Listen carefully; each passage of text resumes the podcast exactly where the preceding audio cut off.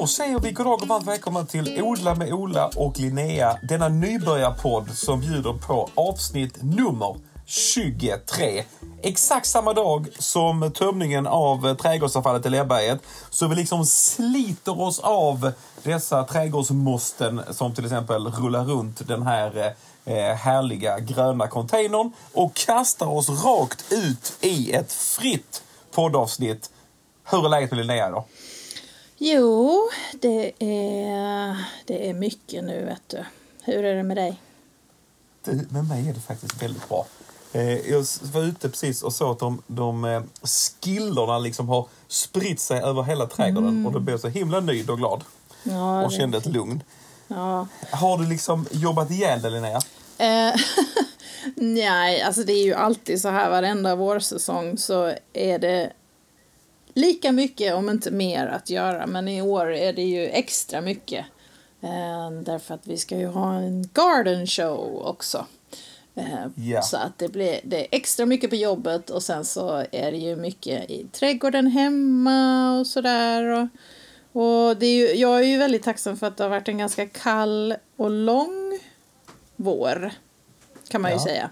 Så att eh, det gör ju att vi trädgårdsmänniskor kan... Eh, vi behöver liksom inte panik sätta igång med allting i eh, mars. Det är skönt. Nej. Det är bra. Kan inte du bara så, om du liksom lutar dig tillbaka i din inspelningsstudio och så bara berätta hur en Linnea Dixon-dag ser ut? Alltså från ax till limpa. hade varit spännande att höra. Alltså, Ge oss den. om det är en vardag så han, då är det ju först, nu har jag ju börjat cykla till tåget så då cyklar jag i en halvtimme. Eh, och kommer till tåget, sätter mig på tåget, lyssnar på musik, kollar Instagram, kommer till Malmö, eh, tar mig till Slottsträdgården, eh, kommer in här. Idag eh, började jag med lite fysiskt arbete ute i trädgården. Och det var att vi håller på att lyfta upp såna här stålkanter som man kan ha längs med rabattkanten för att hålla in i jorden eller ut i gruset. De har sjunkit ner så då eh, satte jag och min kollega Hilda och våra två praktikanter Valentin från Frankrike och Anna från Malmö. Vi satte igång och försökte bända upp de här jävlarna. Det var jättejobbigt. Vem var starkast av er fyra?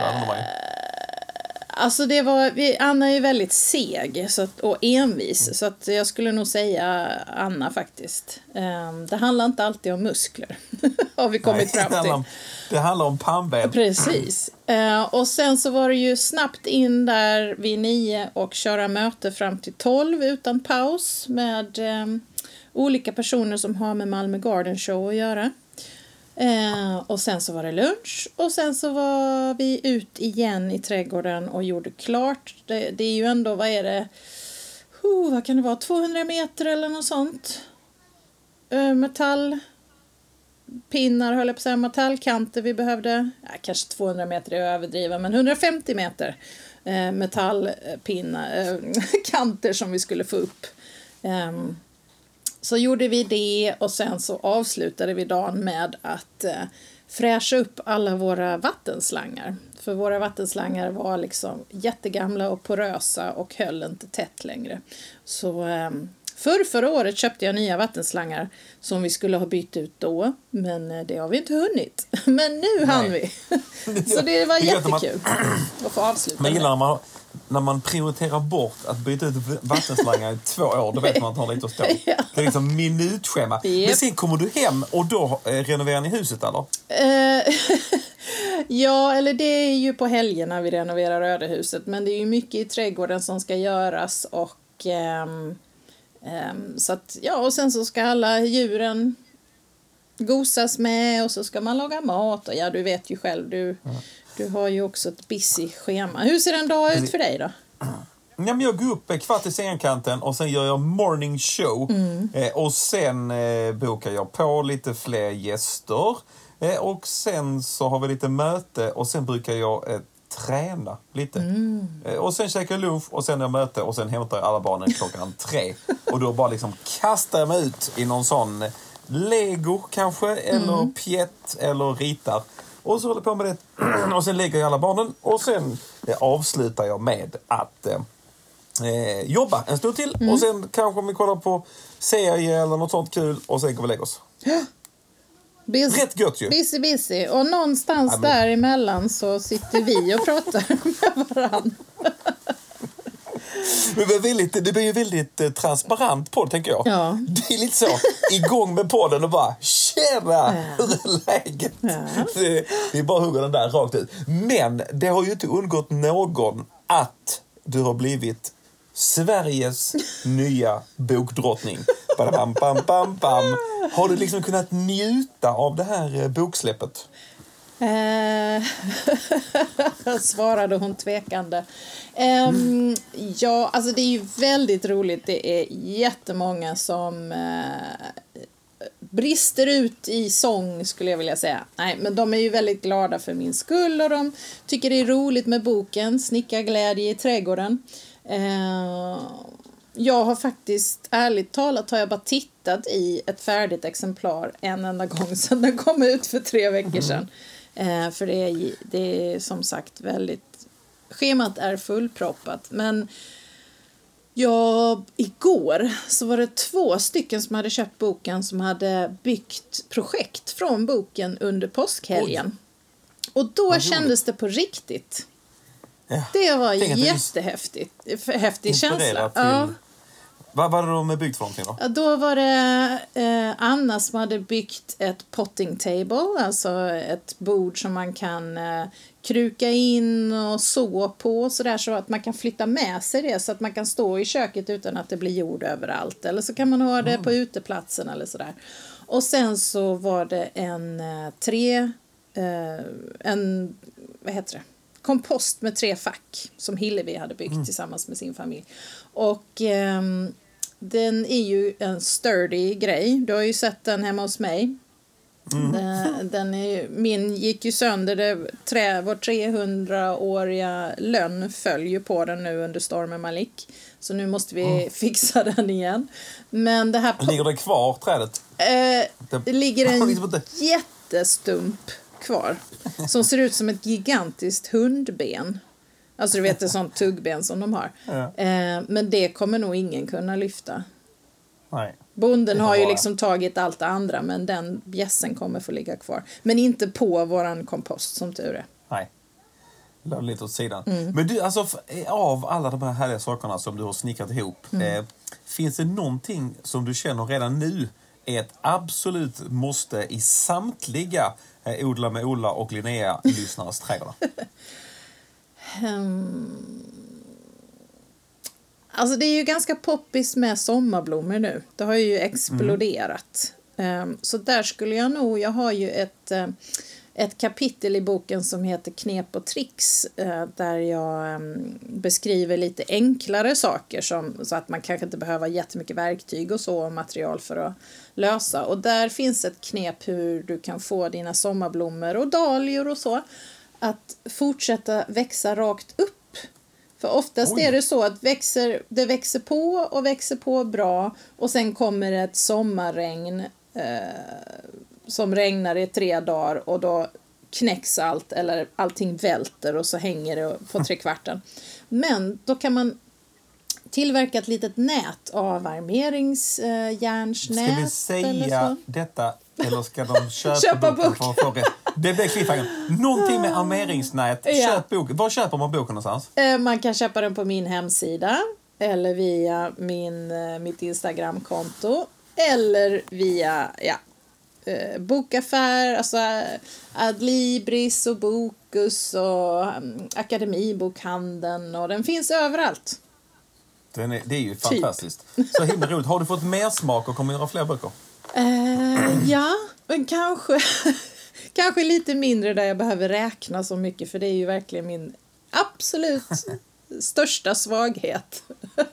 Matematiken? Yes. Ja, det är klart det blir lite att stå i. Är du bra på den, matte? eh, Nej, det hade jag. VG kanske. Det är ju Så bra ju. medel, Medelbra. Men alltså, jag, jag, jag var eh, inte jättebra. Det var eh, absolut i medel. Men jag har ju blivit sjukt dålig alltså. För det var länge sedan man räknade. Nu är det ju alltid eh, miniräknare och sånt. Så att man, huvudräkningsmässigt så tror jag att det är nog inte spitzeklasse. Men jag tänker att nu börjar snart eh, barnens med matematik och sådär. Och då Ja. kommer man väl kanske få ta upp det där superroliga igen. Ja, gud vilken ångest alltså. Ja. Men vad skulle du göra? Kommer det komma en eh, Snickarglädje 2-bok? Kan vi avslöja det här och nu? Eh, jag vet inte, jag, jag måste få njuta av de här tre Ja, veckorna den har varit ute. Eh, Innan, eh, men absolut vill jag göra en bok till. Vi kanske ska skriva en bok du och jag. Verkligen! Det ska vi göra. Ett nybörjare, som en sån eh, bondepraktikant 2.0. Ja. Vi gör det. Vi har ju oceaner av tid bägge två. Så vi kommer bara kunna... Men, men, det, men så, jag kommer att jag skrev också en bok en gång som heter Ruben det. Som handlar om positiv läktarkultur. Den skrev jag ju typ så på dagarna när jag gjorde julshow på kvällarna. Mm. Alltså att man liksom matade. För, för det är ju någonting med att ha mycket att göra gör ju också att man ökar takten lite. Ja, ja. Da, da, da. Har man ingenting, du vet, så, åh pandemin, man bara mm, nu ska jag skriva och glöm det. Jag börjar en aldrig av. podd. Nej, ja, precis, det gjorde vi i sig. Det gjorde vi sig. Där var vi ändå lite på hugget. Men du, vi måste också fråga, hur var det när du var och hälsade på och pratade om boken på TV4? Det var jätte, jättespännande. De var otroligt snälla, hela teamet bakom där. Alla hade ju sånt här headset på sig och sprang runt och nu är det reklampaus och ja, sådär. Eh, Men de var väldigt, väldigt trevliga och jag tyckte det var, det var väldigt roligt att komma in och få lite hair and makeup. Eh, och, eh, och sen så fick man stå där bakom alla tv-skärmarna och sen hoppa ut när det var min tur. Och sen så hade jag åtta minuter på mig där det skulle vara fullpackat med, jag skulle nämna minst tre projekt och jag, det var jätteviktigt att jag skulle nämna boken och ehm, men, eh, och vi hade ju inte, alltså jag var ju med om en sån här förintervju. Eh, brukar de Ja. väl göra. Och, eh, men jag hade ju ingen intervju med, jag hade ju inte pratat med programledarna. Förutom att eh, vi kommenterar på varandras eh, outfits. Eh, men, eh, nej, men det var jätteroligt och det, och det blev, jag försökte få in några skämt. Ja. Och jag tyckte det gick bra med det. Och, men jag var ju sjukt Alltså jag brukar aldrig ha handsvett, men jag fick Nej. handsvett. För jag var nervös faktiskt. Eh, men det släppte Hade du sen. övat eh, lite hemma innan och så liksom ställt frågor till dig själv? Och Nej, sådär? nej, Nej. det hade jag inte. Du bara gick rakt in och, Ja. och matade den. Alltså jag, Men- jag tror fördelen är att det är så jäkla tidigt på morgonen så man hinner liksom inte gå och oroa sig för länge. Det är nog bra. Du, det, är, det är faktiskt det bästa. Det är samma med morgonradion. Mm. Man går upp, sen går man bara rätt ut och så kör man. Och sen innan man hinner typ äta frulle så är man ju liksom färdig. alltså det bara går i ett sånt sjukt eh, tempo. Mm. Det är faktiskt det bästa. Om man då jämför med att göra alltså, shower på kvällen. Man kan gå och Ja. noja ihjäl sig hela dagen.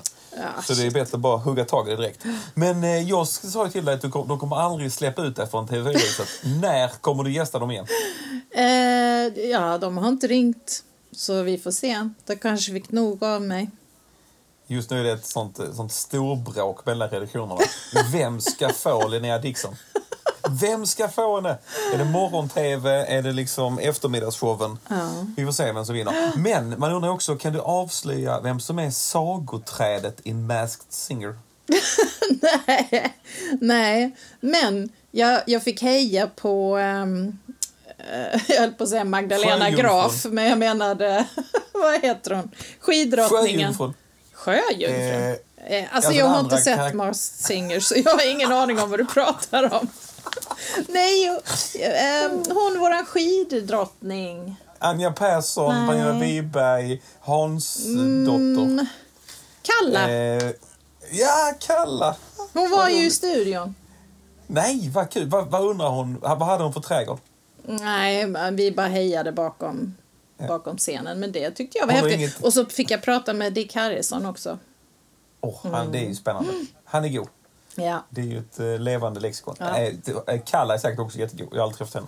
Men Dick är rolig att prata med. Ja. Jag hade, gjorde ett OS med Ola i eh, P3 en gång.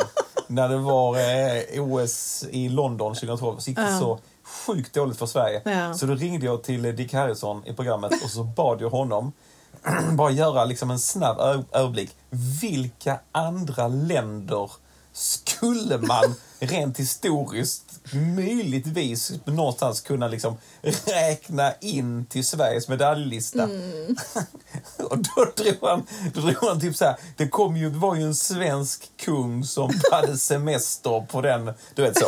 Så det blev ju en eh, väldigt härlig eh, historisk resa där. Ja. Eh, vad vi hade för några anknytningar till andra länder. Det blev, tackar vi Dick Harrison efteråt för.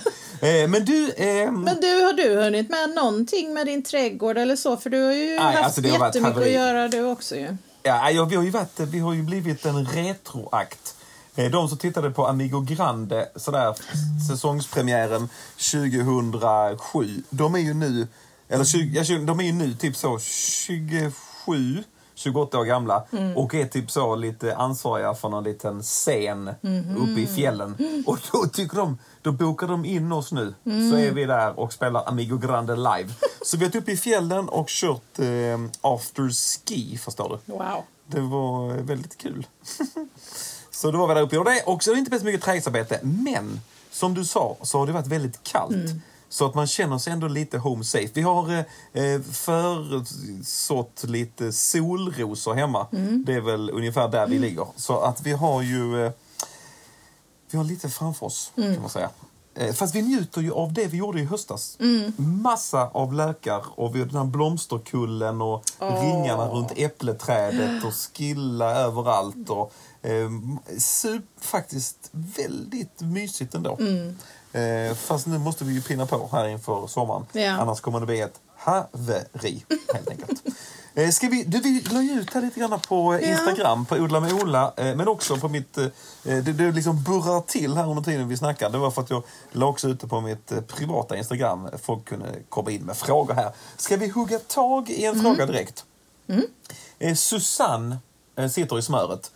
Hon har höga furor som gör att hennes häck dör. Eh, hon vill gärna ge furorna lite så eh, sågklingsterapi eh, och fälla dem. Medan då guben absolut, absolut inte vill tämja träden. Så hon undrar, hur ska hon kunna få liv i häcken? Ehm, det hade varit bra att veta vad det var för typ av häck. Men jag skulle säga en kompromiss mellan henne och hennes man är ju att eh, höja kronan på ehm, Ah, barrträdet.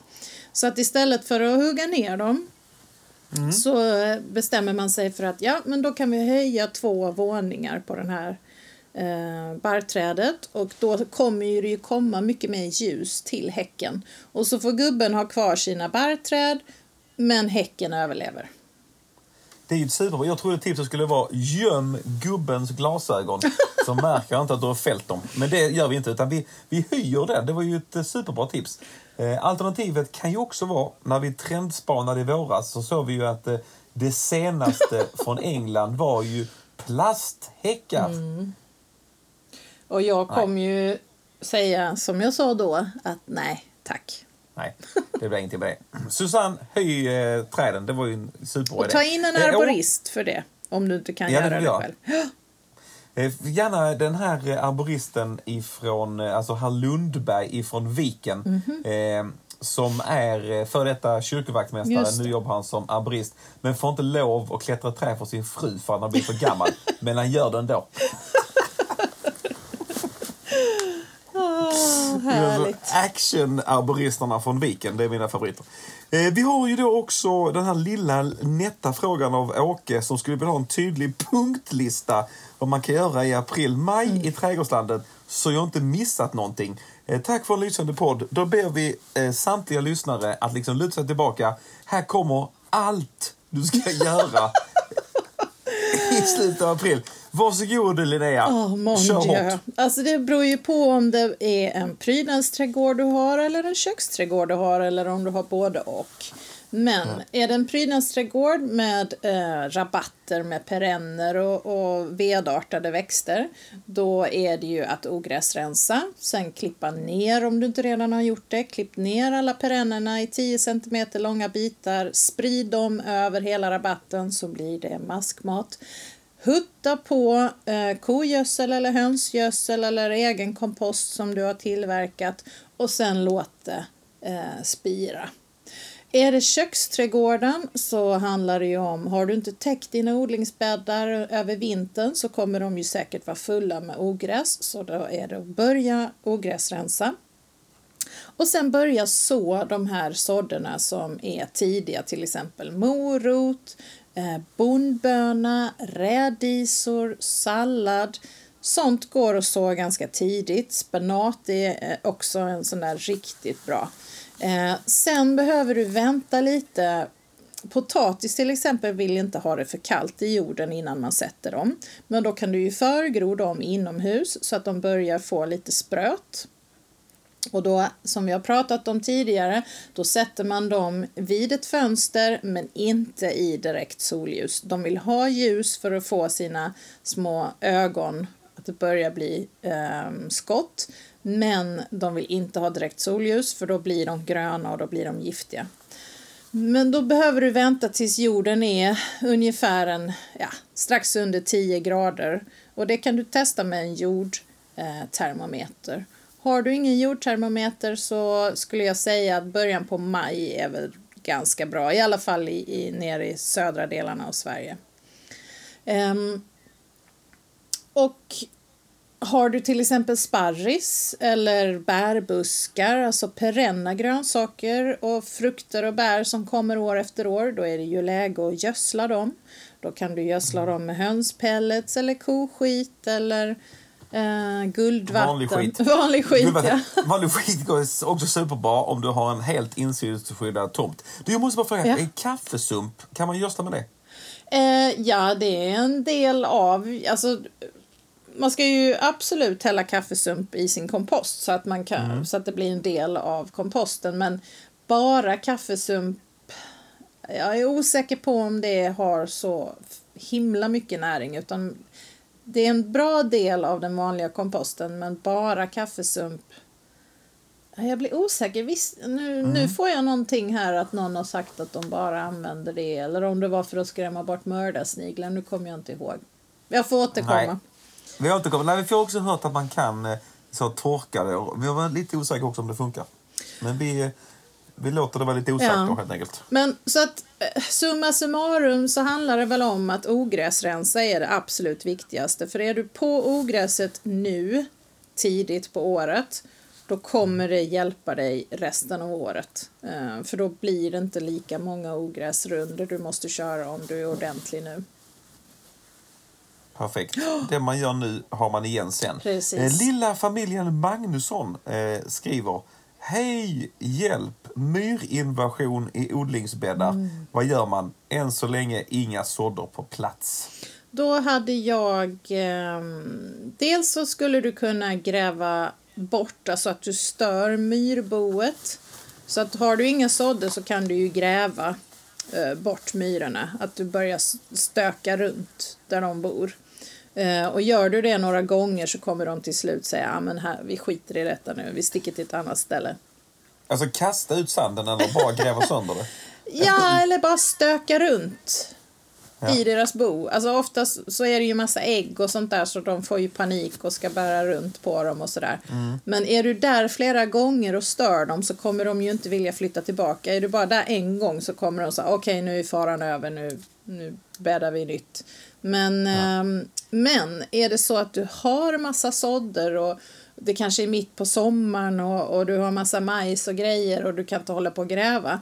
Då skulle jag säga vattenslang. Sätt en vattenslang där som får fylla vatten. Och tyvärr är det ju så att du dränker ju många av dem, men många flyr ju också. Ehm, men det är det bästa sättet tycker jag. Hålla på med gift och sånt, det vill du inte i eh, odlingsbädden. Nej, det låter dumt. Mm. Så en klassisk eh, dränkning är vad som, eh, som Du rekommenderas. tar varje myra och doppar i vatten. som Håller en den under ytan. Penalistisk eh, femåring Ja. som är på hugget där. Eh, Ja, men vad bra tips om det ju. Sen har vi då alltså lite så tre frågor i en. Eh, Marie eh, Madelena, hon skriver eh, FUCK, förodling. Vad kan jag sätta i landet direkt som kräver minimalt med jobb? Mitt liv i Höga Kusten skriver på samma tema. Så mycket tips som möjligt för grönsaker för direktsådd. Lisa Tofsy, vad klarar att sås direkt på plats just nu? Eh, Detta är alltså genvägarnas Mm. frågeställning. Vad säger vi om detta? Alltså när jag växte upp och vi höll på för, eller odla med min mamma så, och vi hade ett hus på landet som vi åkte ut på helgerna. Alltså det enda vi gjorde var ju att så direkt. Vi höll inte på med förkultivering och sådär. Så att det finns jättemycket. Det är bara att läsa på förpackningen. Oftast varför man förkultiverar det är ju för att man vill komma igång tidigare. Man vill att växterna ska, till exempel sallad. Det är, jag tycker personligen att det är väldigt fint när, när salladsplantorna redan är lite stora och man kan sätta det i vackra rader och sådär. Eh, och det handlar ju också om att man slipper gallra om man har enstaka planter som man planterar ut. Och sen så handlar det ju också om att vissa växter som tomat och chili och så behöver längre tid än vad de har i Sverige och därför kan du inte så dem direkt.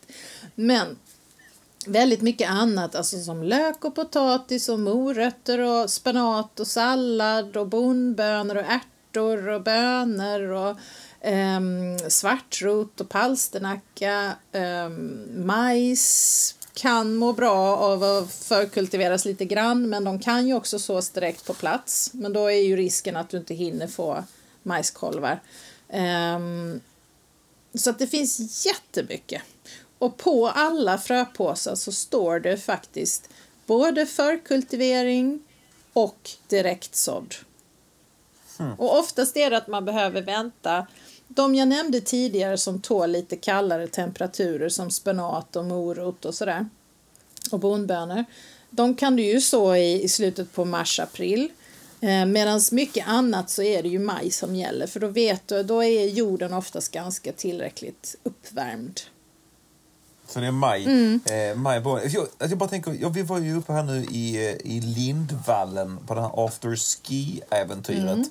Eh, och när vi var där, då snöade det säkert så tre, kanske två, tre decimeter snö. Mm. Rätt ner bara. Och taxichauffören när vi stack hem, han sa också det att eh, jag bara, åh vad skönt med vår och sommar, bla bla bla. Han bara, ja, fast det kommer säkert komma en halv meter här om ett tag igen. Hur ska det gänget tänka som bor lite längre norrut, som fortfarande har med största sannolikhet något riktigt rejält snöfall framför sig? Ja, alltså då hade jag bott eh, norrut, då hade jag förkultiverat för att annars kommer jag inte hinna med säsongen. Eh, men som sagt, de, de frön som har korta kulturer, alltså som spenat och sallad och rädisor och sånt, de växer snabbt. Bondbönor växer också snabbt.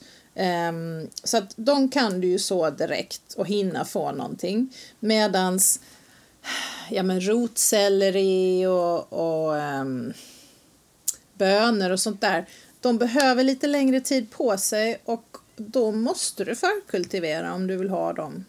Och hinna få bönor som hinner börja torka på, på, eh, på bön, vad heter det, busken liksom.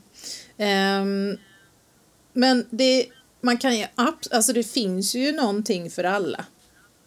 100 procent. Det är ju inte så att du måste förkultivera allting utan eh, det är ju, sommarblommor kan du ju också egentligen många blommor kan du ju bara sprida ut fröna på platsen liksom täcka över med lite jord eh, och kanske skydda med någon fiberduk så inte du har någon fågel som går och pickar. Ehm, Men då blir det ju också att då får du ju en senare blomning.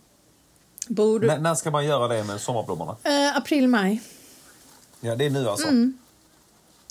Men det gäller ju inte att ha för bråttom för att som sagt har vi kalla nätter och så då kan det ju frysa. Ja.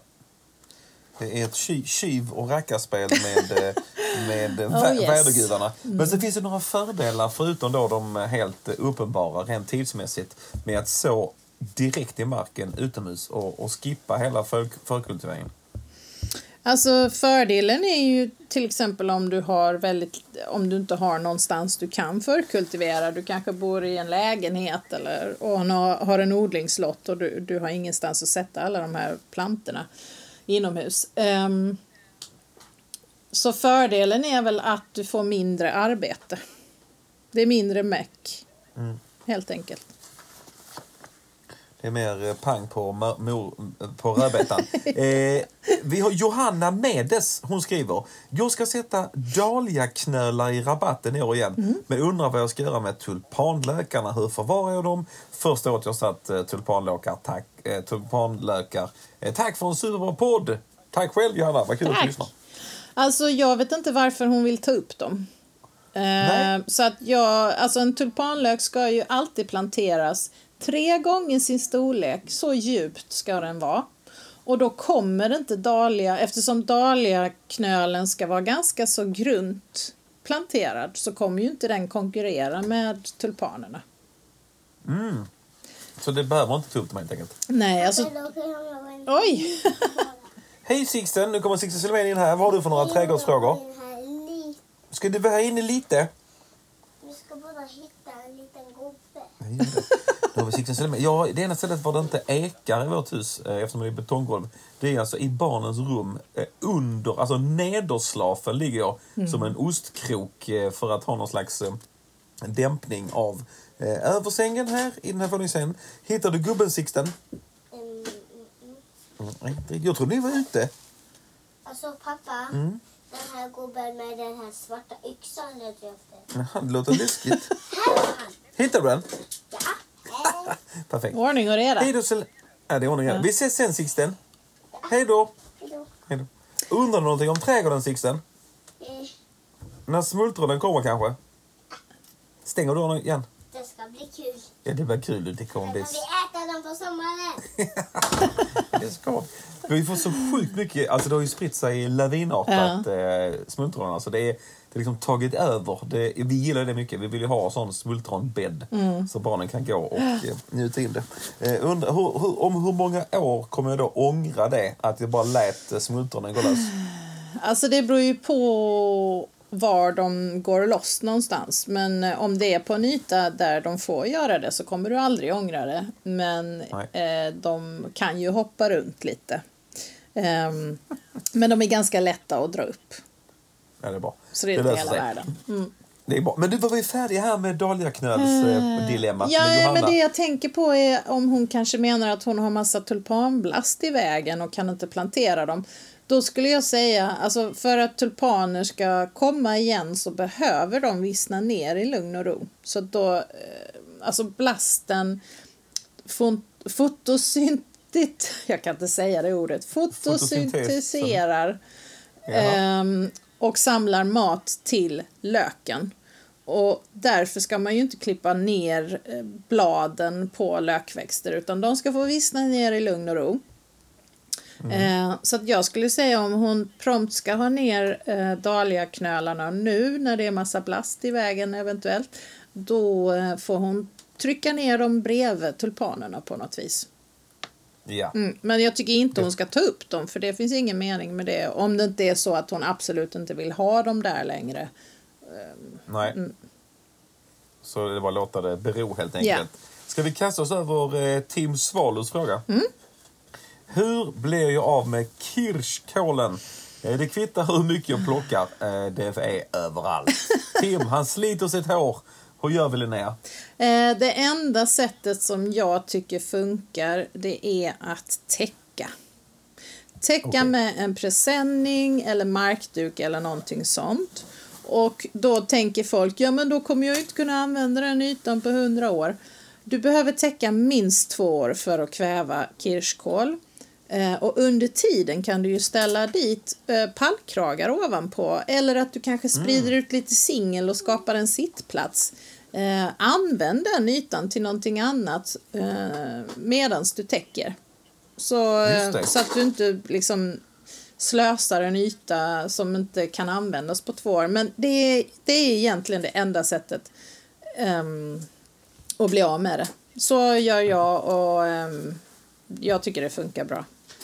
Kan du sitta där uppe på din kirskålsbädd bädd och bara liksom njuta av solen Mm. samtidigt som eh, du kan göra jobbet? Jag googlade snabbt eh, det bästa med kirskål och hittade då eh, smaken är mild och kan jämföras med persilja eller morot. Och man kan göra eh, pesto, gratäng, paj eller bara sallad. Mm. Eh, men precis, man kan ä- äter du mycket kirskål, Linnea? Nej, det gör jag inte. Alltså, det är, det är ju väldigt få djur som tycker kirskål är gott också.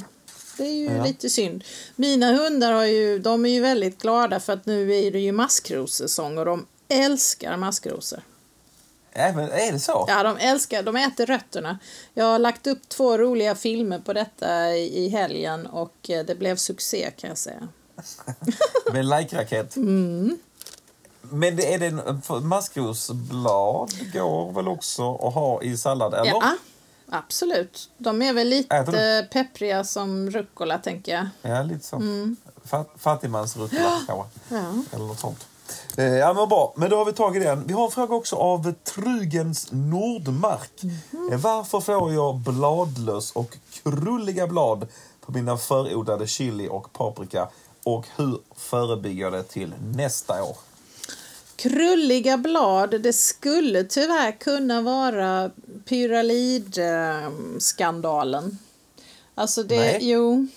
Eh, det är ju så att man använder ju ett gift i konventionell odling, till exempel av sockerbetor. Eh, men i kravodlade, eh, alltså i kravmärkta gödselmedel och jordar så, f- så använder man näring som har tillverkats av kompostering och sådär av konventionellt odlade grönsaker, så till exempel eh, sockerbetor. Så, att, så det här giftet, det kommer ju det förs ju vidare in i de här kravmärkta så att det, eh, produkterna. Eh, och detta är ju en jätteskandal som alla i odlingsvärlden håller på att prata om nu. Och det där låter verkligen som det. Och eh, jag tycker att personen ska börja googla på pyralidskador eller pyralidförgiftade grönsaker. Eh, se om det stämmer och stämmer det så måste de, ja då får de ju börja om från början. Eventuellt köpa en ny jord då eller inte använda den. Det, man kan alltid provodla till exempel Bondbönor växer ju ganska snabbt och de blir ju också påverkade av detta, både tomat, chili och bondbönor. Eh, Och då kan man, har man köpt en ny kravmärkt jord till exempel så kan man plantera en bondböna och så börjar den växa. Och eh, ser man då att den börjar få de här konstiga formerna då har du en, en jord med för mycket eh, av det här farliga ämnet. Så tyvärr är det nog det.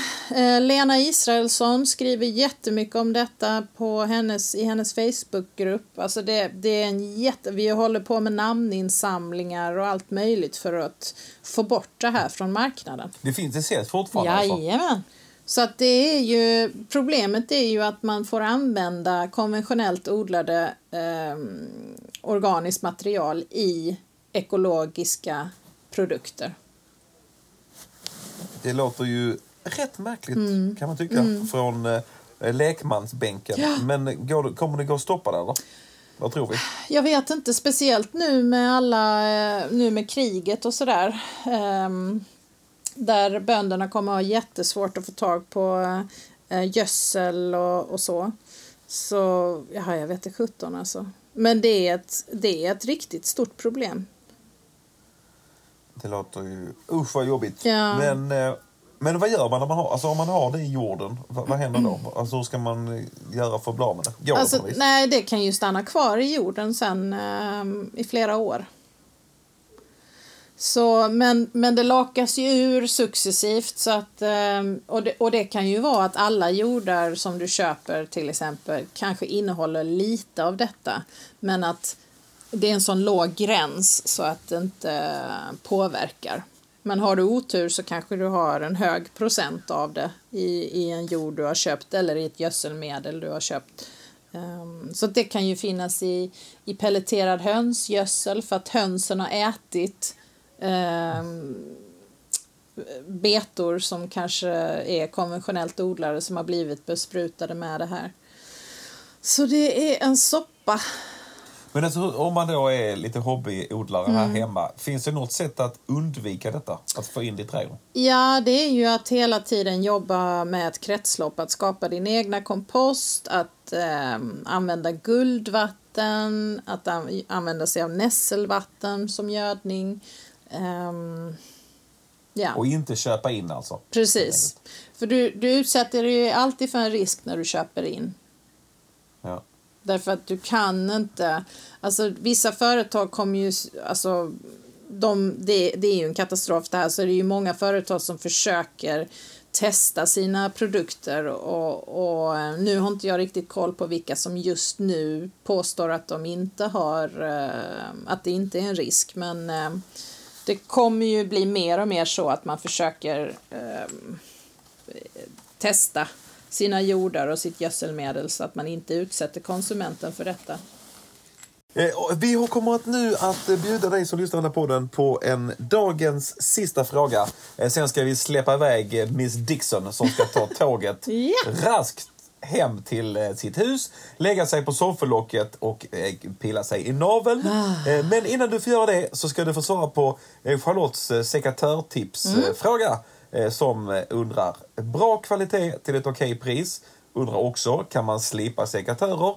Och vilka andra grejer rekommenderar du att man bör ha som medelhyfsad trädgårdsentusiast? Ja, eh, jag kan ju inte alla märkena på sekatörerna. Sekatörerna. Mm. men jag, skulle, jag har faktiskt en kollega som har en sekatör som jag är lite osäker på vad den heter. Men jag skulle kunna lägga upp det på Instagram eh, när jag har frågat henne. För hon är väldigt nöjd med sin. Jag har alltid under alla år använt mig av Felco. Mm. Eh, och eh, jag tycker att den är väldigt bra. Jag har en Felco som har ett rullande handtag eftersom jag har karpaltunnelsyndrom, alltså jag har mycket smärta i mina handleder så eh, hjälper den här lite grann. Mm. Eh, vad som är bra med Felco är att du kan plocka isär dem, du kan rengöra dem och du kan slipa dem. Eh, alla delar går att plocka isär. Ett tips när du plockar isär, fota hur den såg ut från början innan du plockar isär det. Eller spela in en liten film som du kan spela, in bak, äh, spela upp baklänges sen så ser du vilka delar som ska sitta var. Det gör jag faktiskt alltid ja. tiden. Alltså det går inte. Nej. Jag har också ett annat tips och det är att sätta ihop den ganska direkt ja. efter att du plockat isär den. För det är också en klassiker. Man bara, jag gör det sen. Och sen är det bara tack och godnatt. Ja. Men så som jag brukar göra med min sekatör, min Felco då, eh, det är att eh, ja, men två gånger om året plocka isär den, slipa den med en slipsten eller ett sånt här stål, brynstål. Eh, jag oljar in den lite och rengör den här. Den brukar ha som en liten fjäder mellan handtagen så att den ska kunna öppnas ut och in. Den brukar få mycket jord i sig och så. Man kan också sätta alla de metalldelarna kan man sätta i lite bensin Nej, Coca-Cola. Mm. Ja, bensin går också. Men Coca-Cola mm. ska tydligen vara skitbra Oj. på att ta bort rost och göra det snyggt eh, och fräscht igen. Så det, det ska jag väldigt... testa nästa gång. Det gör vi. Eh, alla ni som testar Coca-Cola-tipset, eh, skicka gärna in mm till vårt Instagram och säg om det funkar eller inte. Eh, jag måste också säga, jag har också en Felco. Mm. bara säga. Ja. Så lika tuff som dig, dock utan snurrat handtag. Ja. Jag blev så förvirrad när det snurrade runt så jag körde den lite mer old school. Ja, men många tycker Kommer den jag... är lite läskig, men den, den, den gör att uh, handleden har det lite bättre i alla fall. Ja, det låter eh, helt rätt. Mm. Eh, då skulle ju jag och lyssnarna vilja tacka eh, The Woman of Wisdom, Linnea Dixon, för att du nu har rätat ut samtliga frågetecken. Vi vill också passa på att eh, säga att har du eh, födelsedag eller känner någon som har det så kan vi ju bara rekommendera en sak och det är nämligen en ny bok som heter vad då Linnea? Snickarglädje i trädgården. Ja. Snicke, snicke, snicke, snicke, snickarglädje. Vi hade ju en karaktär i Uganda som hette Snickare i sås. Om det mot all förmodan blir en comeback eh, av detta program eh, kommer vi då ha Linnea Dixon eh, i sås. ja tack. Bearnaisesås. Ja, det, för den gamla Snickare sås har nu blivit chef för eh, eh, vad heter det? Östnytt, kan heta det? Alltså ja. Sydnytts motsvarighet ja. över Östergötland och eh, Gotland. Så jag tror inte han... Han har inte tid längre. Han blir svår att lura ner i brunsåsen. Det går inte längre. Eh, vignetten till här, eh, den här podcasten görs ju av eh, Hush Forever, aka eh, Sebastian Lilja. Producerar eh, och redigerar, det gör ju eh, Fredrik Sander. Och nytt avsnitt blir det ju redan nästa vecka. Mm. Det kommer vi väl utlova här och nu, eller? Ja, men det tycker jag. Nu, nu är vi igång igen. Det var lite mycket där Ja. i, i mars, april, men nu jävlar. Nu kör vi full fart framåt. Och vi ska ju... Ska vi ses eller är det bara digitalt imorgon? Eh, Med det här eh, Malmö Garden Show-grejen. Eh, det är digitalt. Ja, du och Mattias kommer ses och jag kommer vara digital. Åh, det var ju nära en dejt. Ja. Eh, Men det är Och vi- bättre än inget i alla fall. Och vi kan ju säga det att vi ska ju köra live på Malmö Garden Show. Ja, det blir ju skitkul. Det kan vi ju tipsa om redan vi nu. vara där och eh, gotta oss. Vilket datum är det om man ska liksom planera in semestern? Eh, ja, tredje till femte är showen och eller vad säger jag? Malmö Garden Show är tredje Ja. till femte och du och jag står på scen, tror det är på lördagen. Men det återkommer Yes. vi med. Länge leve lördag. Och sen så, eh, var i Malmö är det någonstans? Det är Slottsträdgården och Mölleplatsen Ja, du hör ju vid själv. Malmö Det är bara att komma dit. hus museum. Ja. Ja. Kör hårt och eh, njut av eh, bara tanken på sommar och Mm. garden show gör ju att man blir lite pirrig i kroppen. Eh, Linnea, jag tackar ödmjukast för att jag fick prata med dig och lära mig allt denna matnyttiga kunskap. Ha en synnerligen härlig eftermiddag. Du med Ola, ha en jättefin Hej, hej. eftermiddag. Hej hej!